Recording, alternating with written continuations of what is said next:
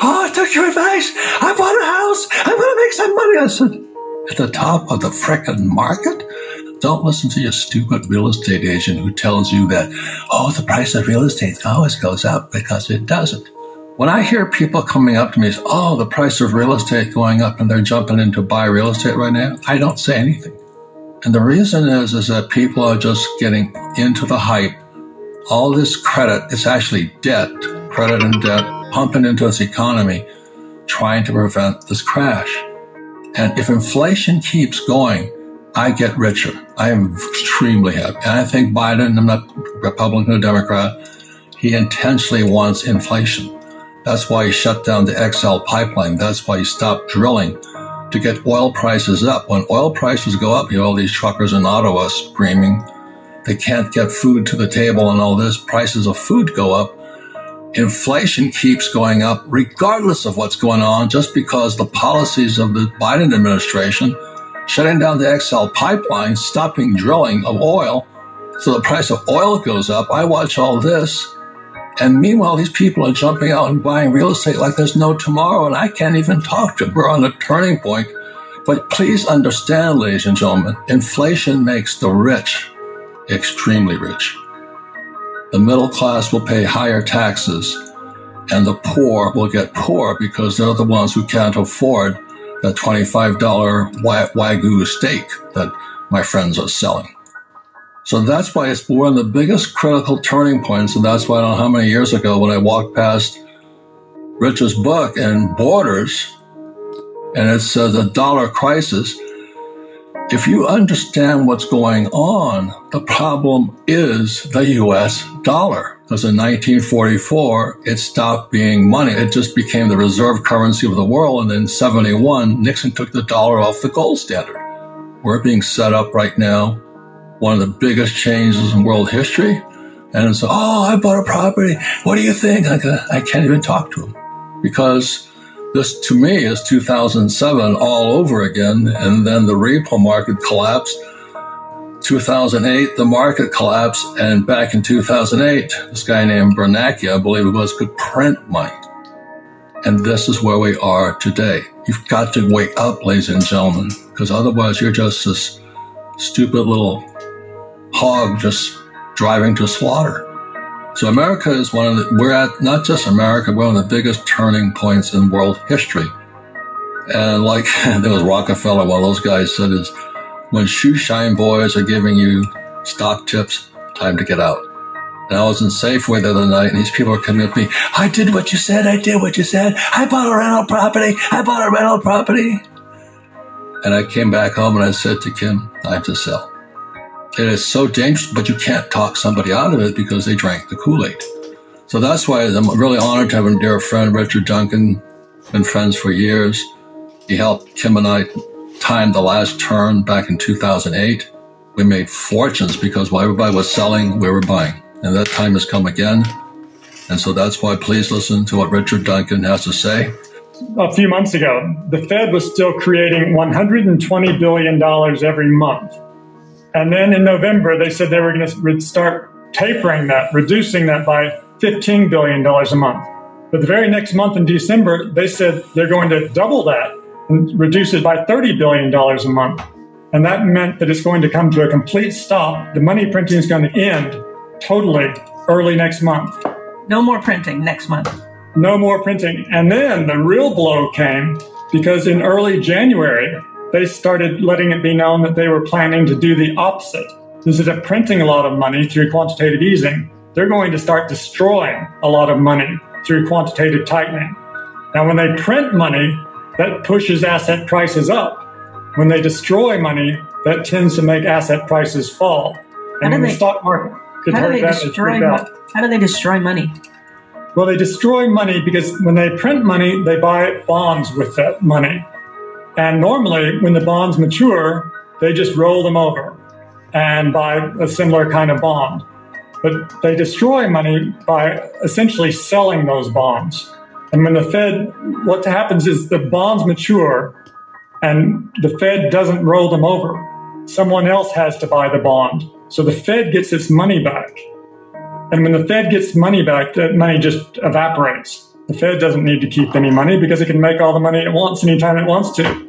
So it's a bit complicated to explain in just a few sentences, but the bottom line is it's the opposite of quantitative easing.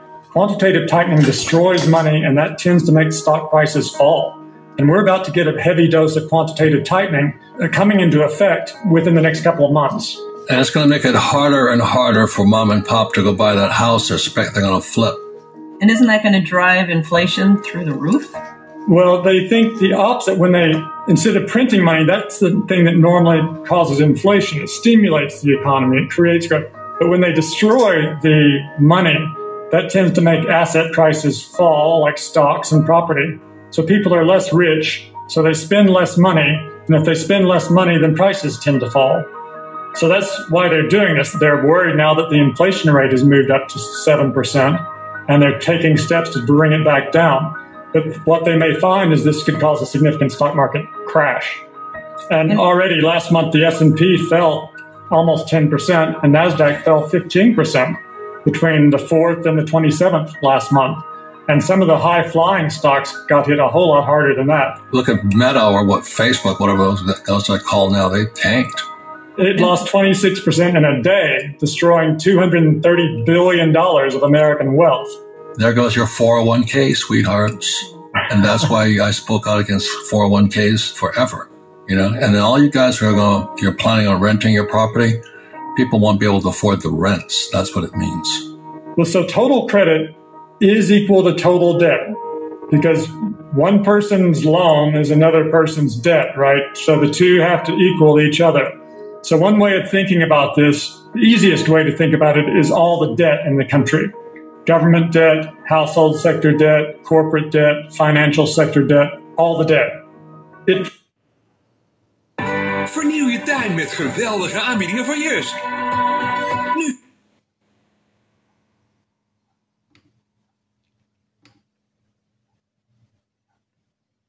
It first went through $1 trillion in 1964 when I was four years old. Now it's $90 trillion, from 1 trillion to 90 trillion during my lifetime. And this credit explosion, which would not have been possible if we had remained on a gold system where dollars were backed by gold. But this explosion of credit has transformed the world. Wait, Richard, hang on, hang on. You're speaking like an economist again credit is what the Fed and the Treasury allow people to get to the big banks like Wells Fargo and all that. And that credit then allows people, the banks, to send out debt. So then corporations and individuals come in and they take credit and they turn it into debt, but it's the same thing. So by creating credit, debt could explode. Am I correct on that or incorrect? No, I think you put that exactly right. Yeah, credit's not a word people use. They use credit card but they think about debt, their household debt. So that's what I'm saying. We don't teach economists. You know, we teach everyday mom and pop who is trying to speculate on their 401k or their house. The reason I tend to use credit is because I say this system that we have now is not capitalism, it's creditism. Yes. Creditism sounds better than debtism. I tried that. creditism works better. Know, Capitalism to creditism. Know, credit growth drives economic growth now. We're dependent on it. Yeah, what Richard is saying is the way America grew was because we produced products. Now we don't produce products, they create credit or debt. Am I correct on that one? That's right. Instead of our economy being driven by investment and savings as it used to be, it's now driven by credit creation and consumption and more credit creation and consumption. And that's been great. The problem is it requires credit growth to survive. If credit contracts, we have a depression. And that has made us dependent now on government borrowing and government spending to keep us out of depression. So if you're going to buy, you know, I mean, I know how many people, oh, I took your advice. I bought a house. I'm going to make some money. I said, at the top of the frickin' market? And what about all these guys in this 401ks? 401ks came into existence in 1974. It was called ERISA. And I've been speaking out against 401ks because I will get censored with this one. But 401ks are like a condom. It gives you a false sense of security while you're being screwed. Do you know what I mean? And if this market crashes, when they raise these interest rates, if they do, you know, your 401k turns to 201k. just as you get ready to retire. All you old guys like me, hear what I'm saying? If they raise interest rates because they're going to stop inflation, your 401k may be toast. I'm not saying it's going to happen. Or if you're a millennial and you got mom and dad who are living in la la land with their two 401ks, you might be in serious trouble.